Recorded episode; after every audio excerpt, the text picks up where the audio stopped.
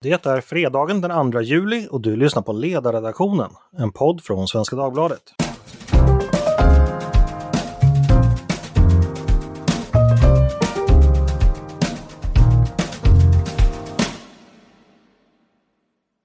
Varmt välkomna till dagens avsnitt av Ledarredaktionen. Ni hörde vad jag sa, fredagen den 2 juli. Det är ganska trevliga ord att säga. Pröva att säga dem för er själva. Högsommaren gör långsamt sitt intåg och det är dags för ännu en panelsummering av den politiska veckan som gått. Jag som pratar heter Andreas Eriksson och med mig har jag några av ledarredaktionens medarbetare. Exempelvis Mattias Svensson. Hej Mattias! Hej! Har du haft en bra inledning på juli? Det är en månad med förbättringspotential får jag säga så här långt, men eh, det okay. får vi hoppas på. Några särskilda snedsteg så här i början eller?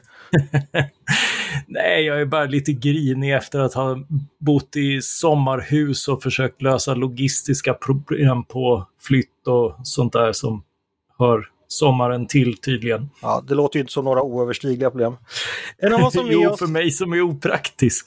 ja, just det. En annan som är med oss eh, direkt från Almedalen, höll jag på att säga, men från Visby i alla fall, eh, på Gotland. Det är biträdande politisk chefredaktör Peter Wemblad. Hej Peter! Hej hej! Hörde du, här i skärgården där jag sitter har vi ganska friska ostliga vindar. Hur har ni det på Gotland? Det är väldigt eh, smetiga vindar. Det är väldigt kladdigt och varmt eh, här idag. Ja, det är kanske rosévinet som börjat yra i luften trots att man kör digital Almedal i år. Så jag önskar att det fläktade lite mer måste jag säga. Okej. Och så har vi med oss en eh, debutant i panelsammanhang, men en person som är välkänd för att vara läsare, nämligen Susanna Silversköld. Välkommen Susanna! Tack så mycket! Hur tycker du jag det faktiskt? Eh, jag har varit med en gång förut, men det var, det var länge sedan. Det var förra året. Och du hade inte börjat heller då med podden. Så Nej, precis. Det, det var, är på var... tiden att jag är med igen helt enkelt. Ja, verkligen. Känns det bra? Ja, men det känns kul. Mm, ja, bra. Hörni, jag tänker vi börjar direkt och då eh, tänker jag förstås att vi börjar med veckans pysslande i regeringsfrågan. Eh, Stefan Löfven valde ju som bekant i måndags att bli entledigad och den tidigare så hårt prövade talmannen Andreas Norlén har getts ut på jakt efter en ny statsminister. Förste man att sondera blev moderatledaren Ulf Kristersson, men redan efter ett par dagar så slängde han ju in handduken. Det saknades förutsättningar i riksdagen för att han skulle kunna bilda regering. Peter, varför gjorde han det tror du? Han fick inte ihop matematiken. Mm. Det är väl inte så mycket svårare än så. Att, eh, mandat, ja, han visste att skulle han talmannen lägga fram honom som förslag på ny statsminister för riksdagen så skulle han inte få det stöd han behöver. Visste inte han det redan i början på veckan när han antog uppdraget? Ja, det gjorde han väl på sätt och vis. Det fanns ju några osäkerhetsfaktorer där med politiska vildar och sjukskrivningar och, annat. Men när väl de halmstråna var, föll ifrån så, eh, så fanns det ju inte förutsättningar. Men vad säger du då? Eh, gjorde han rätt som ens antog uppdraget om det, när det ändå slutade så snöpligt eller har han eh, gjort en miss helt enkelt? Hur tänker du? Det hade väl i och för sig varit en skräll om han hade tackat nej till sonderingsuppdraget men rätt eller fel, alltså i många avseenden så är det ju någon slags skådespel som, som pågår nu där eh, alla någonstans vet utifrån de positioner partierna har att frågan skulle gå tillbaka till Stefan Löfven. Att, att eh, Kristersson inte hade förutsättningar att lyckas såvida det inte, vad säger det var något oväntat som, som hjälpte honom. Liksom. Mm. Jag tänker så här, han har ju tidigare varit ganska offensiv när han pratar om att eh, vi är beredda att bilda regering när som helst. När, det finns ingen risk att han framstår som lite, eh, vad ska jag säga, lame duck i förhållande till det, den retoriken inför väljarna. Att det blir en, liksom en paradox däremellan. Nu börjar jag låta som att jag är så devot mot Ulf Kristersson, men nej, jag tror faktiskt inte det. Eh, han är ju någon form av underdog i, i den här processen. Alltså att det skulle vara en skräll om han lyckades, men jag tror inte att det är en börda att bära honom om han, om han inte gör det. Susanna, eh, jag tänkte fråga dig. Nu får ju Löfven chansen. Kommer han att lyckas? Ja, nej, men jag tror faktiskt det. För att Vänsterpartiet har ju sagt att eh, de kommer släppa fram honom. Och sannolikt så lär väl även Centerpartiet göra det. Och om inte på första försöket så tror jag på det andra. Um, så den större utmaningen för Löfven, det tror jag snarare blir när han sen ska få igenom budgeten. För det är ändå då som Centerpartiet eh, måste samsas med Vänsterpartiet om hur den ska se ut. Och det är ju det de inte vill göra. Um, och där har ju tvärtom vänsterledaren sagt att de inte kommer rösta för en budget som Vänsterpartiet inte har inflytande över. Mm. Men eh, ja, det är ett senare problem och jag tror att han först kommer att fokusera på det första, att få tillträda och sen som Löfven brukar göra så skjuter han upp problemet och hoppas att någonting har ändrats. Okej. Om vi vänder på frågan, är det någon av er tre som tror att Löfven inte kommer bli statsminister igen i den här vändan? Nej.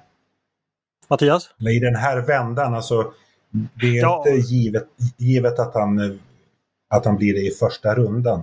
Dock tror jag att han faktiskt eh, kommer vara lite offensiv och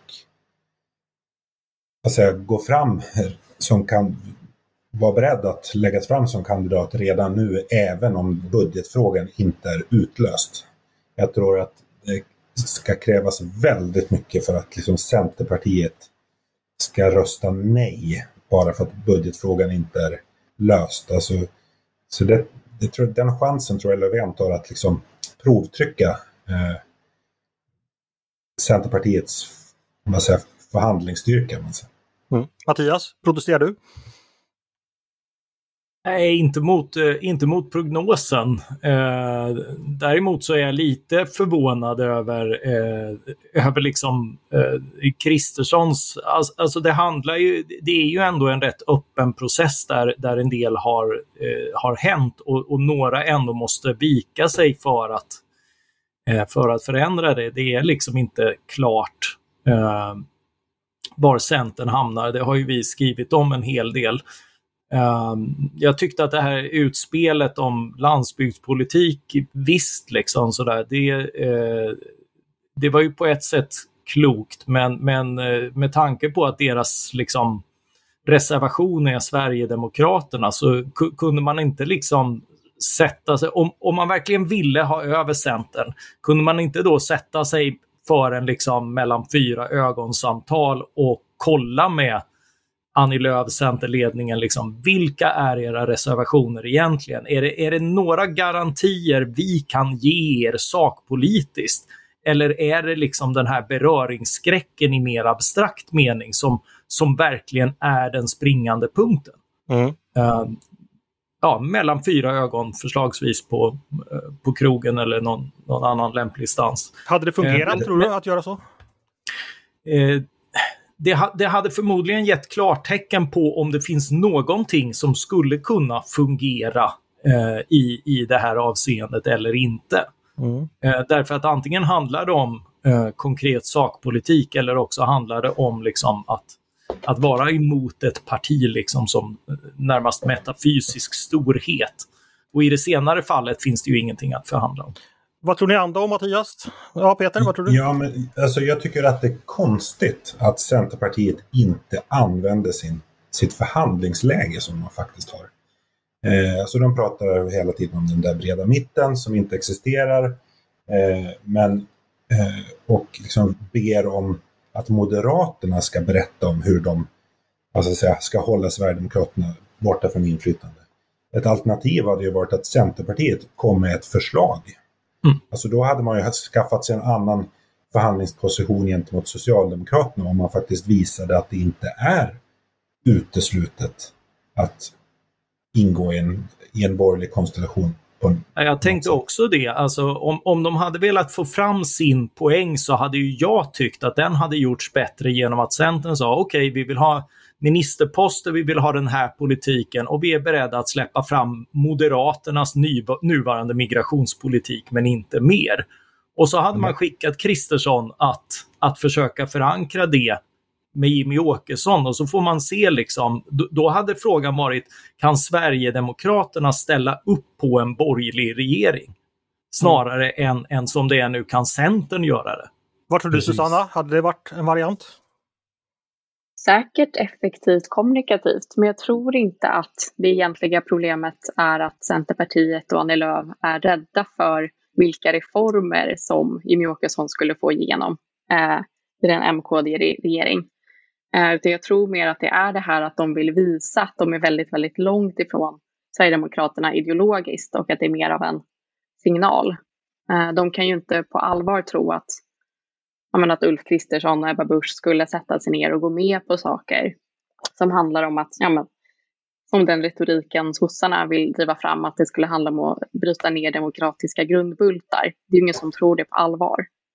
Men, men hur förklarar du då Centerns agerande? Om det inte finns en genuin rädsla bakom, vad är det som gör att de har bundit sig så extremt hårt vid att aldrig eh, e-, ens förlita sig på, samarbeta med någon som förlitar sig på Sverigedemokraterna? Jag tror inte att det handlar om konkreta reformer så, men jag tror att det handlar om en, eh, vad ska man säga, en politisk retorik och en kommunikation av en bildsättning om hur de vill upplevas som parti till de väljare de vill möta. Men man kan ju konstatera att med, ta med tanke på liksom den väldigt eh, offensiva retoriken från Centerpartiet i regeringsfrågan så agerar de ju väldigt passivt. de sitter ju och väntar liksom, på att andra ska göra någonting. Ja, jag tänker givet att man i sin retorik då har definierat ut det ena alternativet så som matematiken ser ut. För, för en, en borgerlig regering, alltså ska Socialdemokraterna bort så kommer ju Sverigedemokraterna vara med i ekvationen på ett eller annat sätt eftersom de har de antal mandat de har. Och givet att man har uteslutit det, då har man ju kanske, då är det ju svårt att vara offensiv egentligen, tänker jag. Alltså att... Eh... Jo. Men jag tyckte, om man nu ska spå i kaffesump här, så tyckte jag att han möjligen såg ett spår till, till ett embryo till hur, hur um, Annie Lööf ska trockla sig ur den här situationen. Eh, när hon nu i, i slutet av veckan sa att, att Ulf Kristersson har bundit sig så hårt vid Sverigedemokraterna att andra lösningar måste prövas. Alltså och den lösningen är då Vänsterpartiet kan man tänka sig? Ja, eller liksom någon, någonting åt det hållet. Det var ju, det var ju så hon löste liksom hyressättningsfrågan. Där, hon, där körde hon ju ett reptrick med att det inte längre fanns en majoritet för fri hyressättning, vilket det i och för sig aldrig hade funnits. Men eh, men det, är ju den, ja, det blir ju den typen av manövrar. Liksom. Mm. Jo, för om man tänker efter så är ju frågan om en ny regering egentligen inte så komplicerad som en del kanske vill ge sken av. Det handlar ju om, ska vänstern som tidigare accepterat stå utanför ett budgetarbete då som leds av Socialdemokraterna och nöja sig med att, så att de vann det här med fria hyressättningar, att det är borta från bordet? Eller ska Centern acceptera att vänstern på någon, något sätt, kanske inte direkta förhandlingar med Centern, men i förhandlingar med Socialdemokraterna deltar i det arbetet eller får med sina, sin politik. Det är väl den frågan det egentligen allting kokar ner till. Eller håller du med Peter, ja. att det är det? Ja, absolut. Eh, så är det. Eh, ja, det kommer alltså sluta med en eh, Löfven blir statsminister igen och så får vi då se hur det går framåt budgetarbetet. Eh, och det finns lite tid för nya reptrick kanske. Jag tänkte vi ska gå vidare. Eh, för igår nåddes vi av den mycket tunga och sorgliga nyheten från Göteborg att en polisman i tjänst har blivit mördad. Eh, det är första gången på 14 år som en polis blir mördad i Sverige och det sker ju i ett område som sedan tidigare har varit väldigt känt och omtalat för problem med tilltagande organiserad brottslighet, eh, nämligen Biskopsgården i, i Göteborg. Eh, tänkte vända mig till dig Susanna. Eh, nu är nyheten förstås väldigt skakande på ett personligt plan. Eh, men många politiker har ju kommenterat och det är ju så att säga en händelse som ingår i det politiska samtalet. Går det att redan nu säga någonting om eventuella politiska konsekvenser av det här och hur, hur det kommer påverka svensk politik framöver? Om det kommer påverka på något sätt. Vad tror du? Jo, nej men jag tror ändå att det här kommer innebära att frågan om lag och ordning och gängbrottslighet kommer vara fortsatt högst upp på agendan eh, och sannolikt då ta ännu större plats inför valet. Eh, men den här frågan, det är ju inte nytt att den är på tapeten, eh, men det kommer, den kommer inte gå att ignorera. Det kommer sannolikt fortsätta vara så. Och den är, och ganska tuff, den är ganska tuff för regeringen att handskas med som jag uppfattar Ja, definitivt. Jag tror inte att det ligger i, ja, men alltså att det kommer gynna Löfven. Tvärtom kommer det nog gynna de som nu är i opposition. Mm. En sak jag tänkte på, jag sitter ju ohälsosamt mycket på Twitter, men det var ändå där jag följde en del av nyheterna igår. Och eh, både där, men även bland politiker, så var det ju många som använde eh, väldigt stora och tunga ord kring det här. Nu är det faktiskt så att vi vet ju ännu inte vad som har hänt. Gärningsman och motiv i alla fall när vi spelar in det här, ännu okända. Polisen har haft eh, öppet för flera olika möjligheter, även fast det har funnits olika källor som har talat åt olika håll. Peter, vad tänker du om det? Att det, det, det så snabbt blir en liksom, fråga där man tar fram en retorik och även att man, man, man, tolkar och kopplar det politiskt väldigt starkt, väldigt snabbt. Är det, är det ofrånkomligt eller hur tänker du?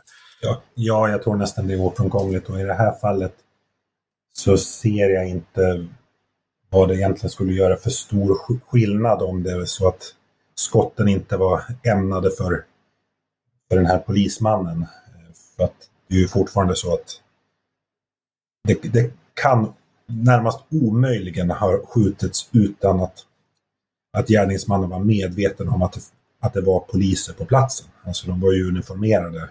Polismannen som, som dog var ju uniformerad. Och det här är ju, är ju någonting som jag ju såg så sent som för bara ett par veckor sedan under, när det var ett mord i, i Hjällbo utanför Göteborg där det också var polis närvarande när, när mordet begicks. Så att det är ju, i den meningen är det ju, är det också en, en gräns som har passerats i den här väldigt svarta utvecklingen. Mm, mm. Mattias, eh, har du några tankar kring hur, hur, det politiska samtalet formeras efter en sån här händelse och, och vad det, hur det påverkar direkt och indirekt? Ja, det, det, det är ju eh, eh tyvärr en, en känd dramaturgi från eh, terrordåd och, och liknande. Och det, det, går ju inte att komma ifrån att, att eh, människor ventilerar frustration, tidiga slutsatser och annat som kan visa sig vara, vara mer eller mindre korrekta. Och, och i många fall ju är det, särskilt när det kommer liksom på, på ryggen av en, en utveckling som vi bara i juni sett, eh, sett ganska mycket av med, med liksom, eh, storbråk, avrättningar, eh, flera års gängkrig. Eh, ett, ett konstaterande av att Sverige har en unik utveckling i Europa av skjutvapenvåld sedan 15 år tillbaka. Eh, så så, så i, det, i det perspektivet så, så är det bara en påminnelse om att den här frågan är, är långt ifrån en lösning och eh, långt ifrån också en vändning som, som skulle behövas, även om det förstås är är, är uppmuntrande att det redan är eh, en person gripen. Ja, det känner inte jag till. Det, det måste jag... Jo, det har kommit på TT under, under dagen. Här. Men jag, jag, kan ju också uppleva den här liksom tröttheten över den extremt förutsägbara dramat, liksom politiska dramaturgin och, och debattdramaturgin när sånt här inträffar. Men jag har samtidigt svårt att se vad, hur skulle den kunna se ut på ett, på ett annorlunda sätt? Alltså de, de snabba, snabba slutsatser är ju lite som fördomar, de är ofta rätt. Liksom. Eh, så att det, det är ju det är knepigt att, liksom helt, att helt plötsligt göra, lägga in det i något annat tolkningsmönster.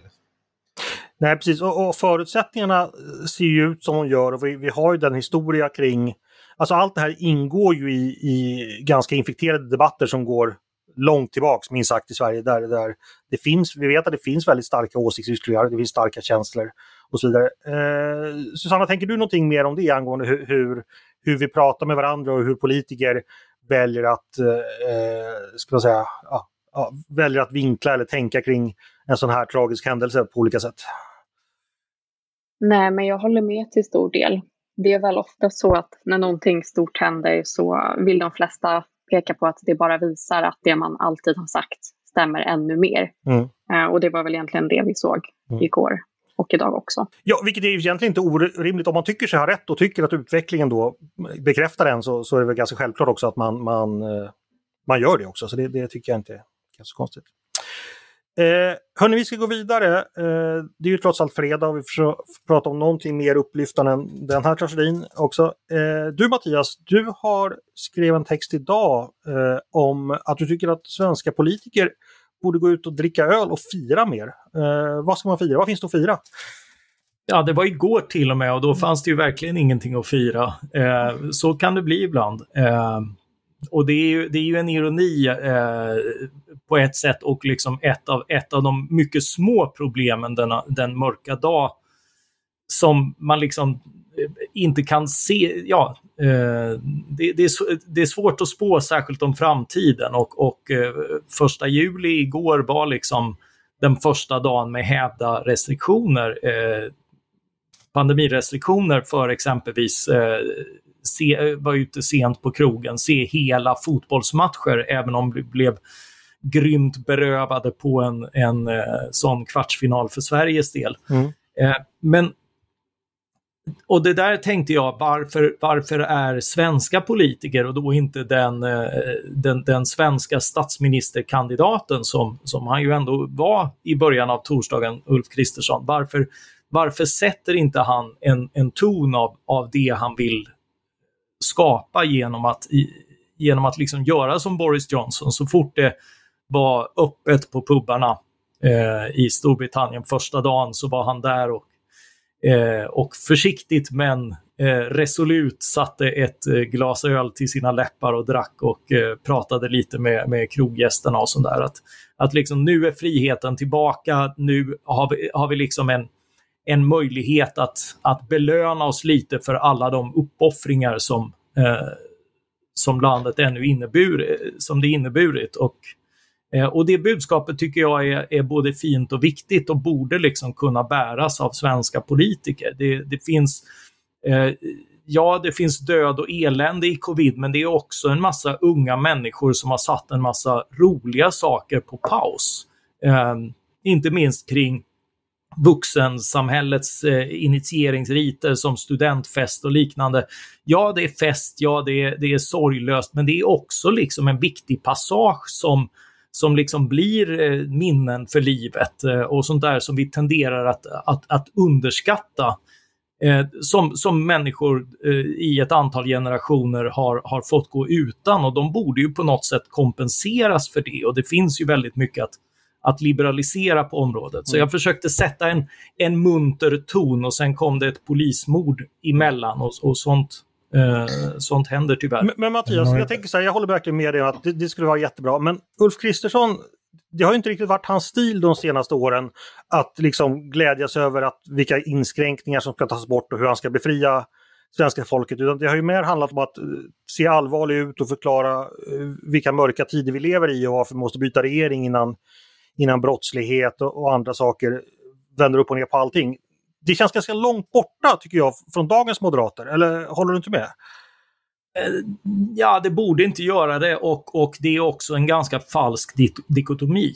Eh, eh, visst, eh, det är olika saker och kräver olika, olika tonlägen men de har med varandra att göra. Alltså, Så ett, ett tryggt samhälle är ett samhälle där människor är fria att gå ut och roa sig. Ett samhälle där människor känner att de kan ut och röra sig är också ett samhälle som är svårare för brottslingar att ta över och kontrollera. Torghandel och, och kommers och, eh, och, och nöjesliv bidrar till att, eh, att, att liksom lugna ner eh, saker och ting.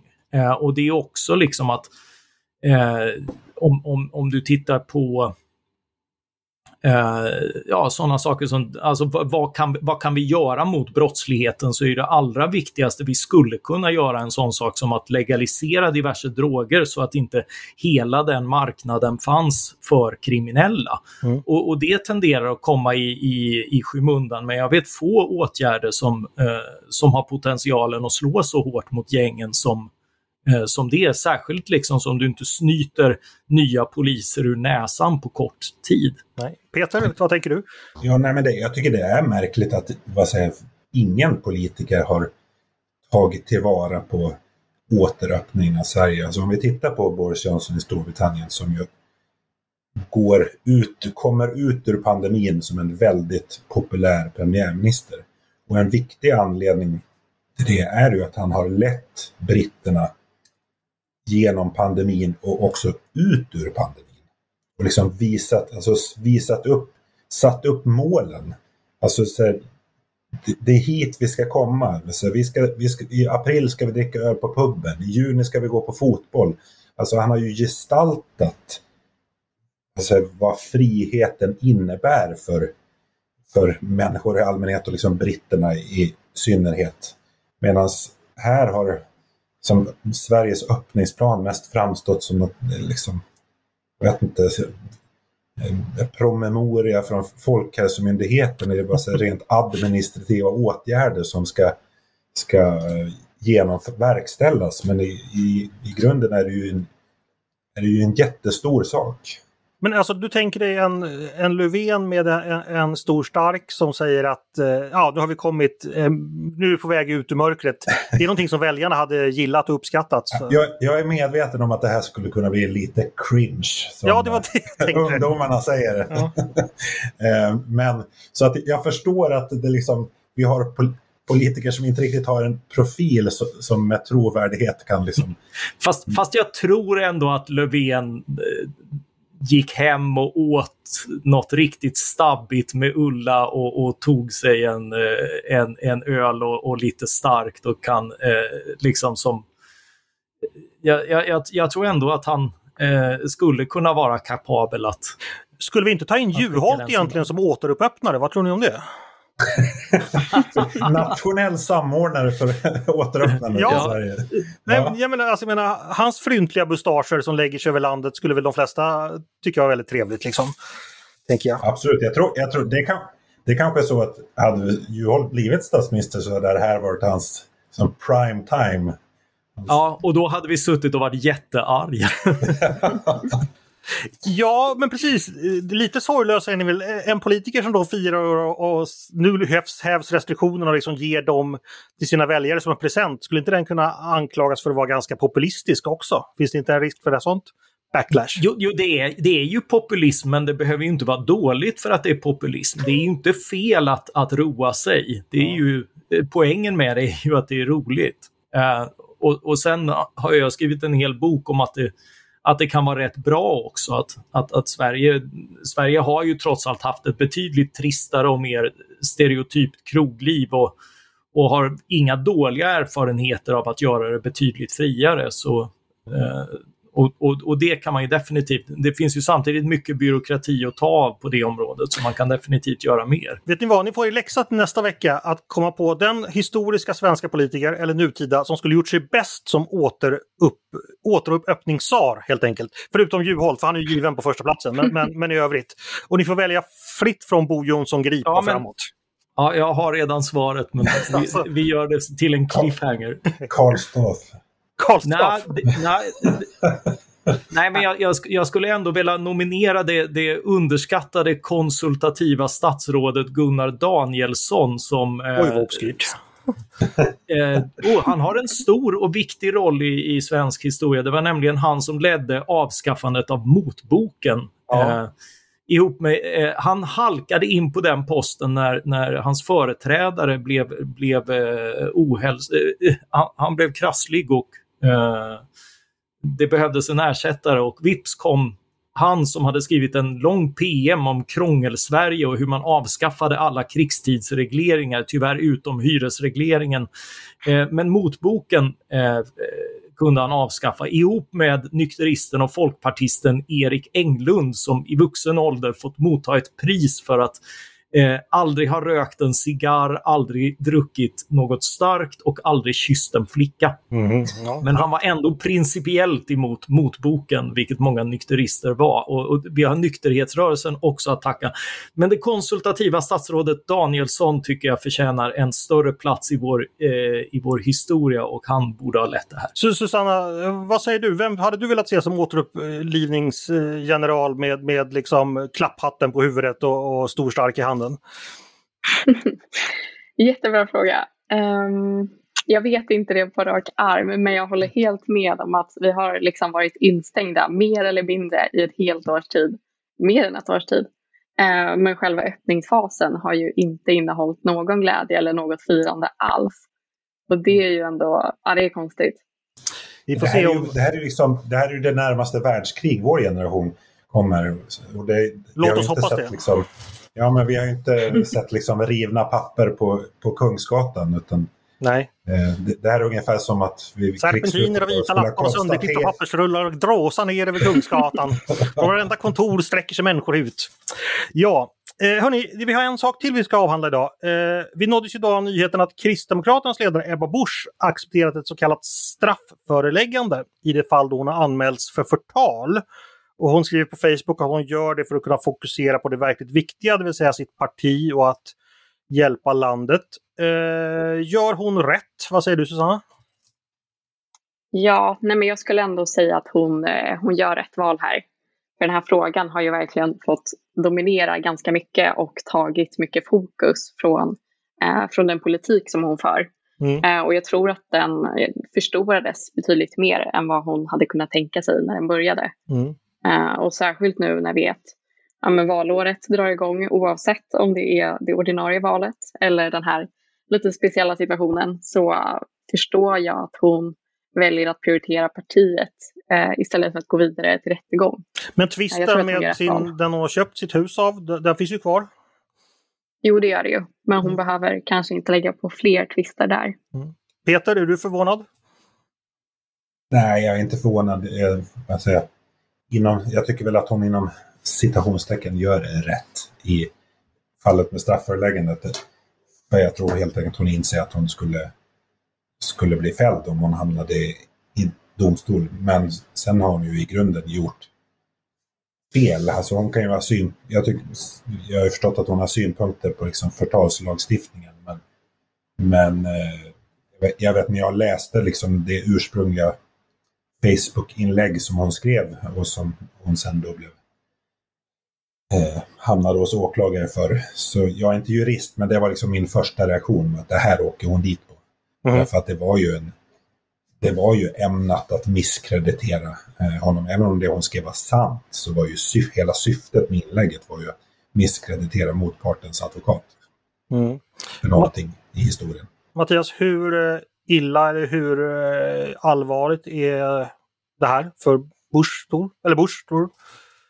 Jag, jag, jag noterar att, eh, eller så här, jag, jag har ännu inte hittat någon eh, som tagit ställning utifrån annat än eventuella sympatier eller antipatier mot Ebba Busch som politiker i den här frågan. Så eh, det, ja, eh, och, och, och så tror jag att det är. Jag, jag, jag tror definitivt inte att, att den här typen av eh, av saker är, mer, eh, är, är något som, som stör politiken och nu fick det en lösning. Och det, det, var, det var väl en, en, en bagatell som fått lite för stort utrymme och, och det var väl som så hon valde att, att behandla det. Mm. Peter, du med din eh, kommunikationskonsultbakgrund, tror du att du får några effekter för henne? Eller, eller, Men, ja, men du vet väl att kommunikationskonsulter, vi är ju alltid fel när vi ska, ska, ska spå om saker. Eh, nej, jag tror inte att det får några stora eh, effekter. Jag tror liksom fastighetsaffären i sig är ju mer besvärligt. Det här var ju liksom något, något i utkanten av den större historien. mm. Peter, det dök upp i min mailbox precis en faktura på 141 000 plus- moms. Han du skicka den nu verkligen? ja. ja, nej, men vi får se. Eh, men vad bra hörni, då har vi avhandlat veckans ämnen. Eh, jag brukar ju ha en sån där eh, rolig liten rundfråga, men eh, jag får väl göra den som den gamla vanliga. Eh, har ni några planer inför helgen eller några tips till våra lyssnare om vad man kan hitta på den här soliga helgen? Vad säger du Susanna? Ja, men jag ska faktiskt eh, följa Mattias råd och ut och fira öppningen lite grann. Det låter väl alldeles utmärkt. Så jag går direkt efter poddandet ut på stan. Hälsa stan från oss. Peter, du då? Eh, Jag ska ju faktiskt ta semester nu. Ja, just det. Eh, Så att jag räknar timmarna. Jag har faktiskt helgjour innan jag kan... Du räknar timmarna som kommunikationskonsulter plägar att göra. Precis. Ja. Eh, nej, men så jag ska småjobba lite under helgen också. Men sen så tar jag en, en månad ledigt. Så då får läsarna och lyssnarna klara sig utan dig så länge. Eh, Mattias, du då? Eh, ja, jag har äran att vara på plats där en 80-åring ska firas och förhoppningsvis redan börjat firas. Men eh, för mig eh, återstår lite, eh, lite arbete innan jag kan mm. joina dem. Jag kom på en sak. Eh, Peter, vi har ju en digital Almedalsvecka som börjar här nästa vecka. Märker man någonting av den i Visby? Ja, så det är väldigt mycket folk i Visby kan jag säga. Ja. Eh, och det är i och för sig på, på, på sätt och vis intressant därför att Almedalsveckan ur ett rent Gotlandsperspektiv har ju inte varit bara positivt därför att den har ju skjutit upp den, den säga, ordinarie turistsäsongen. Alltså det, under vecka 27 så har det bara varit politiker och konsulter i, i Visby, inte vanliga sommarresenärer, utan de, mm. de, har väntat till veckan efter. Så att det har ju, det, här finns det ju säkert en pandemieffekt också, men sommarsäsongen och har ju börjat avsevärt tidigare i Visby i år. Alltså så mycket människor som det har varit i Visby under juni brukar det normalt sett vara i juli. Ni kanske det... kickar ut politikerna och satsar helt på turismen istället? Precis. Ja, men vi, men... vi vill ju gärna ha hyresintäkterna. Det är det. Andrahandsbesökarna betalar bättre. Ja, precis. De, de köper eller hyr in sig i rena hus. Så. Men hörni, vad bra! Eh, det börjar bli dags att tacka för idag. Jag ska passa på att berätta för er som lyssnar att från och med den här veckan så kommer vi även ha lite halvsemester här i podden. Eh, det kommer bara bli två, bara, det kommer bli två poddar i veckan hela sommaren. Eh, så att ni som lyssnar ska kunna hinna njuta lite av sommaren och inte bara behöva sitta hemma och lyssna på podd.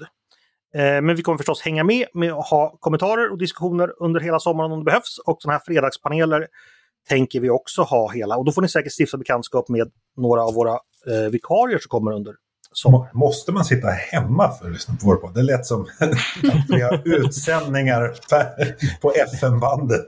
Ja, precis. Det, det, är vår, det är vår redaktionspolicy att man får lyssna på podden precis var man vill och hur man vill. Jag var ju lite inne i så här gammalt tänk sen att jag liksom reciterade 1945 års radioutsändning. Så jag tänkte att folk satt framme, hemma framför sina kortvågsmaskiner och hörde Ja, London calling. Eh, men hörni, vad bra. Jag ska också passa på att säga till er som lyssnar att vi har ett eh, prova på-erbjudande just nu eh, för att ni ska kunna följa allt kring regeringsdiskussionerna. Eh, två månader gratis av SVT Digital Standard får man. Ta del av det erbjudandet genom att gå in på svd.se podd. Men hörni, då var, ni klar, var vi klara för idag. Peter, ha en trevlig semester. Tack så mycket. Mattias, ha en trevlig 80-årsfest. Tack så mycket. Och Susanna, ha en trevlig eh, återupöppning av stan. Yes, tack. Så, eh, då är det bara att säga tack för mig. Eh, eh, du har lyssnat på Ledarredaktionen, en podd från Svenska Dagbladet. Hör gärna av er till oss med tankar och synpunkter på det vi har precis diskuterat. Eller om ni har idéer och förslag på saker vi ska ta upp i framtiden under sommaren. Maila då bara till ledarsidan snabla svd.se. Dagens producent har varit Jesper Sandström. Själv heter jag Andreas Eriksson och jag hoppas att vi hörs igen snart.